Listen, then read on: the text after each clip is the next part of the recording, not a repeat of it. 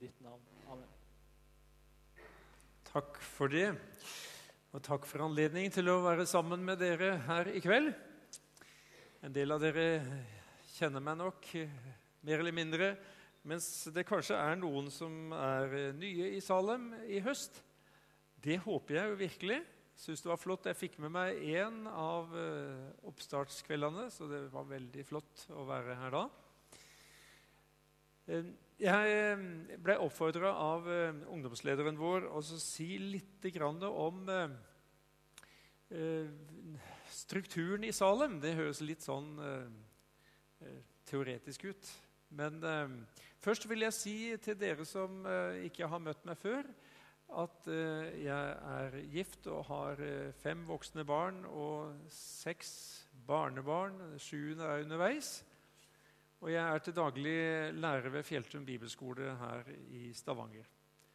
Der har jeg vært siden 1981, så det er jo blitt noen år siden. Og like lenge har jeg vært her i, i Salem. For det var naturlig for meg og min familie når vi kom flyttende hit, at vi fant vår plass her i Salem. Eh, Det har eh, vært veldig flott gjennom disse årene. Og jeg har fått lov til å være med i arbeidet på forskjellige måter. Og eh, nå er jeg med i noe som heter Forsamlingsrådet. Eh, Det er styret i SMF, Salem misjonsforsamling, som er den organisatoriske liksom, øverste leddet. Og så, hvis vi tenker litt sånn ved siden av der, da For å støtte opp om eh, den åndelige biten av ansvaret som styret har, så har vi noe som heter Forsamlingsrådet. Og Der er forsamlingslederen eh, selvskreven medlem, og eh, eh, han er leder for Forsamlingsrådet. Og så er vi fire andre som eh, er med og støtter opp om, om det. Og det, Vi er jo da pålagt eh, et spesielt åndelig ansvar, både når det gjelder forkynnelse og eh, nattværen og, og dåpsforvaltningen. Og vi skal være med og støtte forsamlingslederen. Nå for tiden er det jo Ole Lilleheim. Eh, Og ellers vise omsorg for den åndelige siden ved arbeidet i Salem. Så det eh, syns vi er flott å få være med på på den måten. Og da vet dere litt om eh, hva Forsamlingsrådet er. Eh, det er ikke så lenge det har hatt det navnet. Før så ble det kalt for Nattverdkomiteen. For dere som har gått i Salem noen år, så har dere sikkert eh, lagt merke til det begrepet. Nå skal vi få lov til å høre noe fra Bibelen. Eh, om eh, en som eh, kom til Jesus med sin tvil. Og så håper jeg det at hvis du skulle være i den situasjonen nå i kveld, eller at du kommer i den situasjonen en gang, at du kan ta med deg noe av det som du hører her i kveld, og ha det med deg eh, hvis det skulle skje at du også kommer i tvil. At du får høre litt om hvor viktig det er å gå til Jesus med den. Skal vi fortsette å be sammen? Kjære Jesus, vi vil få takke deg for at vi får lov til å høre ditt ord.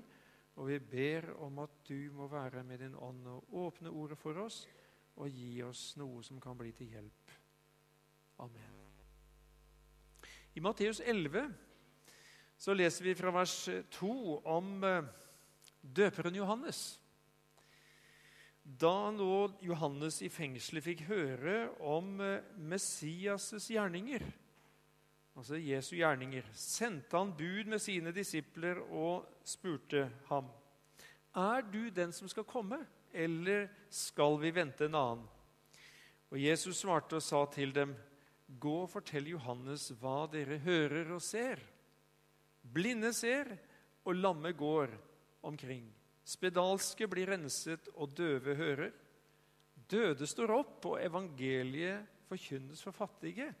Og salig er den som ikke tar anstøt av meg. Har du noen gang eh, følt deg glemt av Gud? det er en fryktelig opplevelse når det er han du har satt din lit til. Når det er han du stoler på. Og du har kanskje hatt en, eh, en barnlig tillit til eh, Jesus, at han har kontrollen. Han eh, passer på deg, og alt skal være bra. Men så opplever du kanskje en eller annen krise, en ulykke, sykdom, enten i ditt eget liv eller i andres liv. Og så begynner tankene å svirre, og de vonde følelsene kommer. De vanskelige spørsmålene. Hvor var du, Gud, når det skjedde? Så du ikke situasjonen? Hvorfor grep du ikke inn? Hvorfor prøvde du ikke å hindre det som eh, var så vondt? Nei, det er vel ikke noen av oss som har sluppet helt unna sånne spørsmål. Eh, og det er kanskje en liten trøst at eh, det er ikke noe nytt. David, som levde 1000 år før Kristus, han gir uttrykk for en slik nød i Salme 13. Hvor lenge, Herre, vil du glemme meg for evig? Hvor lenge vil du skjule ditt åsyn for meg? Kanskje døperen Johannes brukte disse ordene der han satt i, i fengsel i dødscella i Makerus, en borg av et eller annet slag øst for Dødehavet. Det er i hvert fall det den jødiske historieskriveren Josefus Flavius forteller. For det står ikke i Bibelen hvor han satt fengslet. Men eh, du kan være sikker på det at eh, det fengselet som han var i og Antagelse sier at han Eh, satt i fengsel i ca. syv måneder. Forferdelig varmt om sommeren. Og eh, fryktelig kaldt og rått om vinteren, muligens. Elendige forhold. Og så kan vi tenke oss, og forstår vi da ut ifra det Johannes sier her, det som han gjør Han lurer på hvor, hvor blir det av Jesus? Han som eh, døpte Jesus der ved Jordan, litt lenger nord. Og etterpå pekte på Jesus og sa, 'Se der Guds lam, som bærer verdens synd.' Og så begynte noen av disiplene som Johannes hadde omkring seg, til å følge Jesus. Han ble på en måte litt overflødig. Og så skjønner vi det at eh, Jesus ikke engang har besøkt Johannes i fengselet. Og Jesus som gjorde så mange under og tegn, han kunne jo ha bare sagt et ord. Og så har fengselsdørene åpnet seg. Det hører vi jo om andre ganger. I Apostelens gjerninger så hører vi om det et par ganger. At fengselsdørene åpnet seg. Hvorfor gjorde ikke Jesus det nå? Med denne gode forløperen Johannes. Nei, det var vel ikke så rart at tvilen meldte seg hos Johannes. Og det er heller ikke rart om tvilen melder seg hos deg og meg hvis det er et eller annet som virkelig ryster. Vi hører jo om de som hadde englevakt, det sier vi. Og det sier faktisk de som ikke er bekjennende kristne også av og til. Så sier de det. Ja, han hadde englevakt. Vi hører om når Gud griper inn og helbreder. Vi hører om de fine eksemplene på Guds omsorg. Men så er det ikke alltid det skjer slik. Og Derfor så kommer de vonde spørsmålene. Hvorfor gjorde han det ikke nå? Hvorfor gjorde han det ikke i mitt liv? Ja, vi ser både i Bibelen og i erfaringen med, med Gud, så ser vi at han faktisk handler litt forskjellig med oss. Det opplevde jeg tidlig i livet mitt. For jeg vokste opp mellom to brødre som begge var født med en uhelbredelig sykdom. Han som var eldre enn meg, han døde da han var 13 år. Og han som var yngre enn meg, han døde da han var 8. Og da må jeg jo lure på hvorfor. Hvorfor skulle jeg få vokse opp? Hvorfor handlet Gud annerledes med dem enn med meg og meg med dem?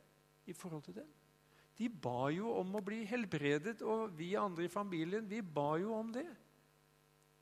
Men de ble ikke helbredet på denne siden. Men de har vært hjemme i himmelen i mange år. Gud hadde en annen plan med deres liv og med mitt liv.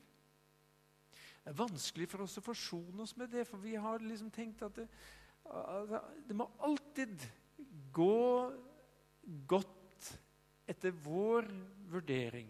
Det må alltid liksom bli vellykket hvis vi skal tro at vi har med Gud å gjøre. Men så sier både Bibelen og erfaringen at Gud han har litt ulike planer med oss. Og det som har vært godt for, for meg å, å, få hvile i midt oppi dette, det er at uh, selv om jeg ikke har noen garanti for at jeg ikke skal bli sjuk, rammet av ulykke, så får jeg lov til å se livet mitt som et liv i Guds hender. Jeg, uansett er jeg trygg. For som Paulus sier, enten jeg lever eller jeg dør, hører jeg Herren til. Hvis det er på plass, ja, da er du også trygg. Nå kan eh, tvilen også komme av andre årsaker. Du er eh, kanskje ny på studiestedet. Eller du har vært der noen år. Det er ikke alltid like enkelt når disse kritiske spørsmålene kommer. Og du føler liksom at det, eh, du må ha de gode svarene. Og så finner du ikke de i farta. Du tenker kanskje etterpå 'Å, det skulle jeg jo ha sagt.' Sånn skulle jeg sagt det. Og så blir du litt besnæret av de som eh, kjører deg litt til veggs, og så sier at eh, 'ja, du, du holder deg til troen, du'. Men vi holder oss til fakta, til vitenskapen. Det er mye tryggere. Og så blir du kanskje litt usikker. Kanskje du lurer på om du i det hele tatt eh, er en kristen, eller kanskje du lurer på er kristendommen sann? Er det ikke litt for svakt, dette med at vi skal tro? Og så glemmer du kanskje det at når det gjelder fakta sånn som du kan måle og veie, så er det vitenskapens hjemmebane. Men med en gang du kommer inn på spørsmål om livets opprinnelse, om livets mening, og mål, og med Gud og med det som kommer med døden og etter døden Der må vitenskapen egentlig melde pass, selv om det kanskje er noen som blir fristet til å uttale seg om det òg. Og I bunn og grunn så er alle mennesker på en eller annen måte bundet opp med en tro. Selv ateisten kan ikke bevise at Gud ikke fins. Men han kan kanskje si det er sannsynlig at han ikke fins. Men det er jo også et uttrykk for tro. Så løft hodet og vær frimodig. For det det kommer an på i dette livet her, i denne verden, det er ikke om du tror eller ikke tror, men om det du tror på, virkelig er til å stole på. Det er det som er det avgjørende. Det er ingen god situasjon når tvilen melder seg. Det vet jeg. Og det ligger noe i dette ordet 'tvi', de første tre bokstavene i ordet. Det kommer av et norrønt ord, gammelnorsk ord altså, som heter 'tve'. og Vi har det i f.eks. i tveegget sverd. Det betyr dobbelt eller to.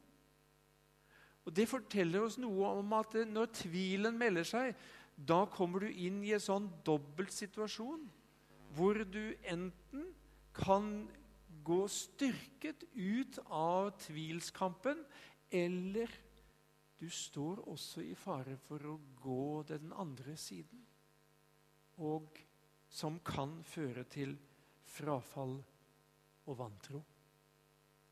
Derfor skal vi ikke ta lett på tvilen.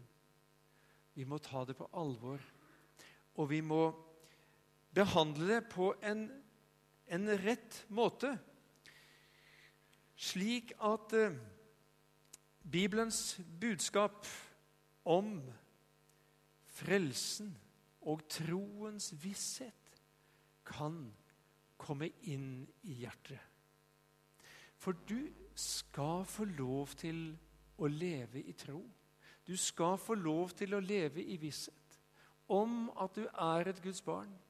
Og du skal få lov til å leve i visshet om at Jesus er en frelser som er til å stole på. Bare hør hva som står i 1. Johannes brev 5. Den som har Sønnen, har livet. Den som ikke har Guds sønn, har ikke livet. Dette har jeg skrevet til dere for at dere skal vite at dere har evig liv. Dere som tror på Guds sønns navn.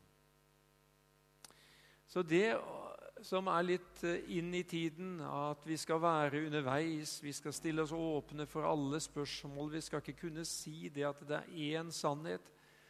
Du skal få lov til å ta litt herfra og litt derfra. Det er ikke slik Bibelen framstiller det. Og det er bare med å gjøre deg rotløs og usikker. Så hør ikke på den røsten. Dette med frelsesvisshet det er noe som kristendommen er aleine om.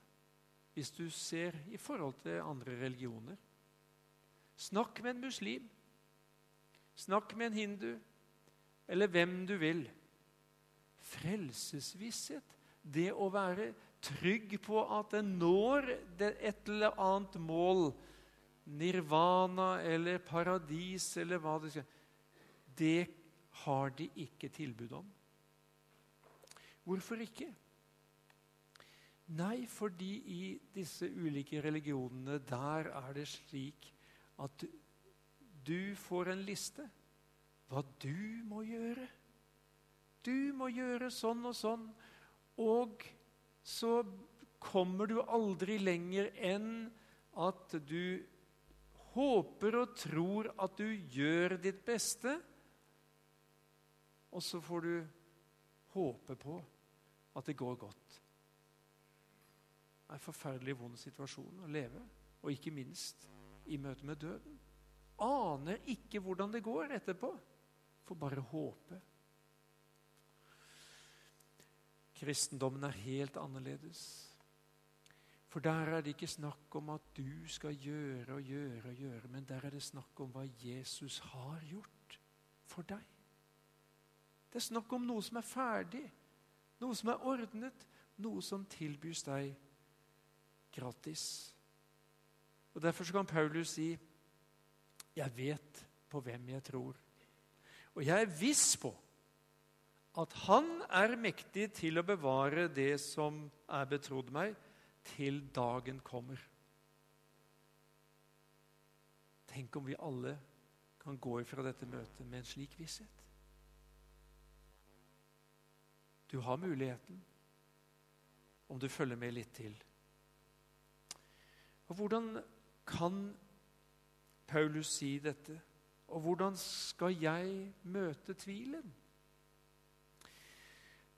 Da vil jeg nevne fire punkter. For det første ikke fortreng de farlige tankene. Når tvilen melder seg, så kan det være fristende å stenge den inne og late som den ikke er der, for det passer liksom ikke inn. Kanskje du blir fristet til å gjøre litt ekstra innsats i kristelig sammenheng, også her i Salem, for du vil på en måte overbevise deg sjøl og andre om at alt er i orden. Det kan være litt skummelt, fordi at da ligger disse uløste spørsmålene der og akkumuleres på en måte, samles opp i underbevisstheten. Og hvis du da kommer i en presset situasjon en gang, så kan det glippe riktig alvorlig for deg. Så ikke fei det under teppet, men vær frimodig nok til å møte disse tvilens tanker og følelser. Og la ta jobben med å bearbeide dem på den rette måten. Slik som Johannes døperen gjorde, som vi alt har hørt.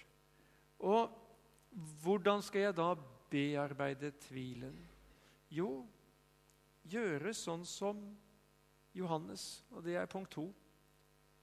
Hva var det første Johannes gjorde? Det står jo ikke direkte, da, men indirekte så skjønner vi det. Han snakket med vennene sine, med sine disipler.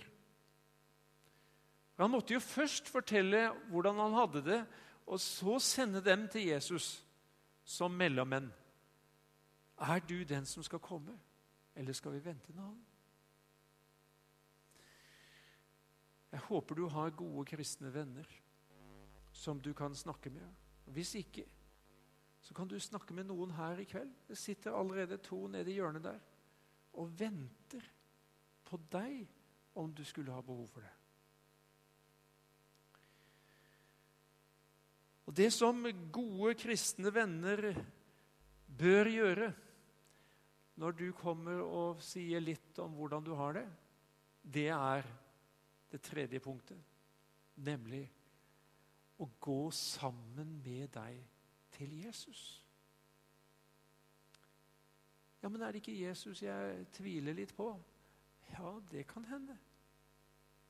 Men gå til han allikevel. Med tvilen. Jesus han ser jo hva som bor i hjertet ditt.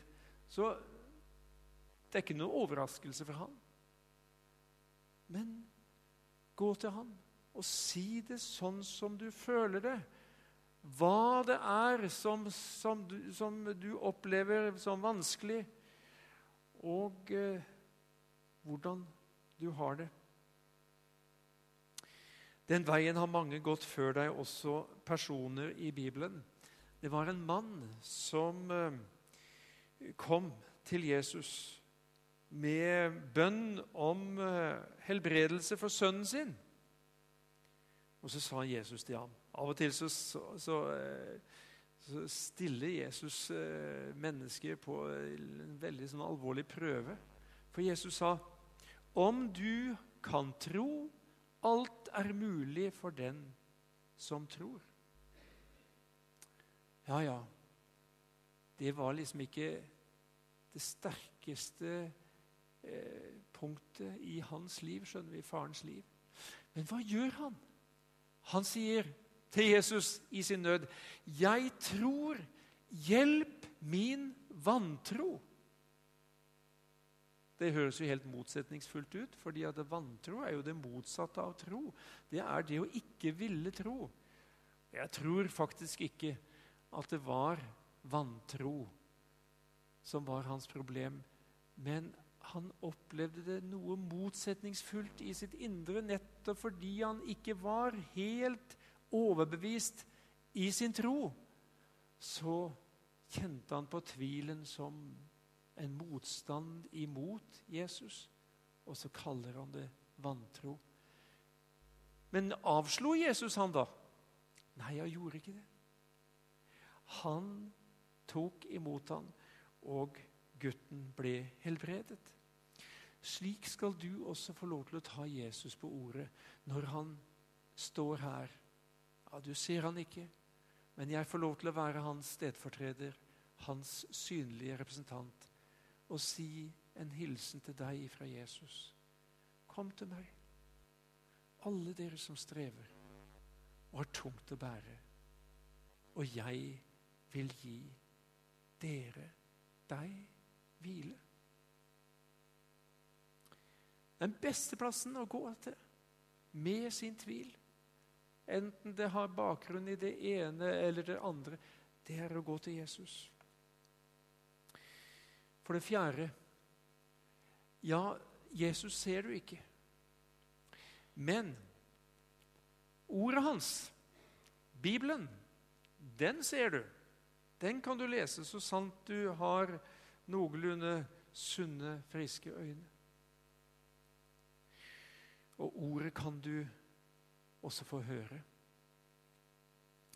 Da spørsmålet fra Johannes nådde Jesus, så kunne jo Jesus ha sagt Gå tilbake og si til Johannes klart at jeg er Messias. Du kjenner da vel meg, Johannes? De var jo litt i slekt også, får vi høre. Men de får en annen beskjed. Jesus svarte og sa til dem, 'Gå og fortell Johannes hva dere eh, hører og ser.'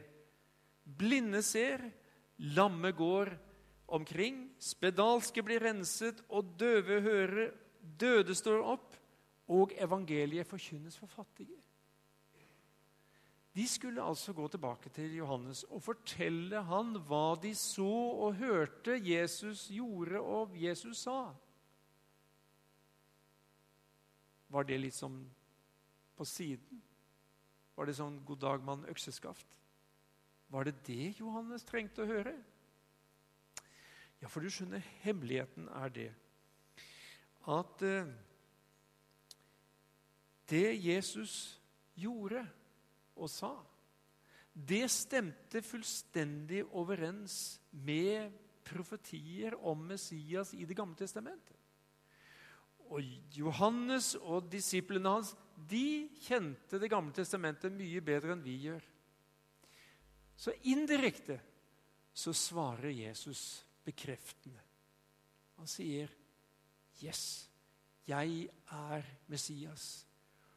For se hvordan jeg oppfyller profetiene som Messias skulle oppfylle. På den måten så fjerner Jesus tvilen hos Johannes. Og han kunne gå frimodig i døden. Tenk det. Og På samme måten har Jesus fjernet tvil hos meg. Og på samme måten så fjerner han tvil hos deg også. Om du bare tar ham på ordet og lar han få lov til å slippe til i ditt liv. Ja, men eh, jeg får det ikke helt til å tro, sier du kanskje. Det er så vanskelig, dette her. Hvor i Bibelen står det at vi skal få det til å tro? Kan du fortelle meg det? Så må du gjerne gjøre det, altså. Men eh, hørte du hva Kristine leste her? Leste fra Efesbrevet 2, 8 til 10. Men jeg bare tar, eh, gjentar vers 8. Der sto det 'Av nåde er dere frelst', ved tro og dette, og det, dette det går ikke bare tilbake på frelsen, men det går tilbake på troen også. Dette at du er frelst ved tro, av nåde alene, dette er en Guds gave. Det er ikke av dere selv. Det er Guds gave. Tro Hvis vi erstatter det med et litt annet ord som betyr det samme, nemlig tillit, så kan vi dra en parallell med nå når vi har vært i sånn bli kjent-modus nå på høsten, tidlig på høsten. Mange nye som vi har fått muligheten til å bli kjent med. Hvordan får du tillit til disse som du har møtt? Er det sånn at du bestemmer deg for at nå må jeg få tillit til han eller henne? Nå må jeg få til å ha tillit. Det er jo ikke sånn det fungerer. Nei, det er noe etter hvert som vi blir kjent med et menneske, Og hvis dette mennesket er tillitsvekkende, som vi sier, da får du tillit. Du trenger ikke gå og tenke på det og ta det sammen for det. Det bare kommer av seg sjøl. Og sånn er det i møte med Jesus i hans ord. Etter hvert som du hører ordet om Jesus og leser det sjøl, så stiger det fram et bilde av Jesus som virkelig er tillitsvekkende. Som gjør noe med deg, og som skaper troen i ditt hjerte uten at du tenker på det engang. Det som gjør at en del kristne lever i en sånn gråsone med tvil og uklarhet i forhold til Gud, det tror jeg har sammenheng med at Bibelen står for lite sentralt i livet. Og Nå er det kjempeflott at du er her, for da får du høre noe fra Bibelen i kveld. Og jeg håper du kommer ofte tilbake. Men at du også for din egen del leser i den boka, altså. Fordi at det, dette er ord som er levende, og som skaper noe. Og så skjer det som står i Rombrevet 10, 17. Så kommer da troen av budskapet som en hører, eller forkynnelsen som en hører. Og forkynnelsen som en hører, kommer ved Kristi ord. Det er ord om Jesus som skaper troen. Evangeliet, det er det som kommer til deg, og som skaper en tro og en visshet i ditt hjerte på at du hører Jesus til. Det, av, det er en av disiplene til Jesus som fikk et kallenavn. Jeg vet ikke om han var så happy for dem. Men han ble kalt for tvileren Thomas. Han eh, var ikke sammen med de andre disiplene eh, første påskedag om kvelden da Jesus møtte dem. Så når de sa 'Vi har møtt Jesus, han lever', så sa han nei. Hvis jeg ikke får se naglemerkene i hendene og stikke hånden min i siden hans, så vil jeg ikke tro. Veldig dristig sagt av Thomas. Og han er ikke noe godt forbilde for oss i så måte. Du må aldri tenke som så at du må stille noen sånne særkrav for at du skal få tro. Troens gave det var en som gjorde det, som, eh, som jeg hørte intervju med i radioen. Det var en eldre mann, humanetiker. Han fortalte at i ungdommen hadde han vært kristen og var innstilt på å reise ut som misjonær. Men så hadde han så dårlig helse, dårlig rygg, at eh, de eh, mente det var ikke tilrådelig at han skulle reise ut. Dette her ble så tungt for han og vanskelig for han at han sa til Gud hvis ikke du helbreder meg sånn at jeg kan reise ut som misjonær, så kan jeg ikke lenger tro på deg. Det er skummelt å si det sånn. Og vi skjønner hvordan det gikk. For han var jo ingen kristen da han ble intervjuet. Nei, ikke kom med sånne spesialkrav. Ikke gjør det. Men hvorfor møtte Jesus Thomas, da? For jeg tror han trengte Thomas som et øyenvitne om hans oppstandelse. Og Så kommer Jesus ei uke seinere og møter Thomas slik at Thomas kan si 'Min Herre og min Gud'. Deg være ære, sang vi til å begynne med. Fantastisk flott at det la opp til det herre over dødens makt. Ja, men kan vi se Jesus slik, vi? Kan vi se han som en levende frelser? Oppstanden herre og frelser? Ikke med våre egne øyne. Jeg har ikke sett han slik, i hvert fall. Men med troens øye har jeg sett Jesus i Guds ord, og jeg har møtt ham. Og jeg kan si det med Thomas. Jesus lever. Min Herre og min Gud. Så er det normale som Jesus gir uttrykk for, salig er den som ikke ser, men allikevel tror. Nå skal du få lov til å komme til Jesus i dag.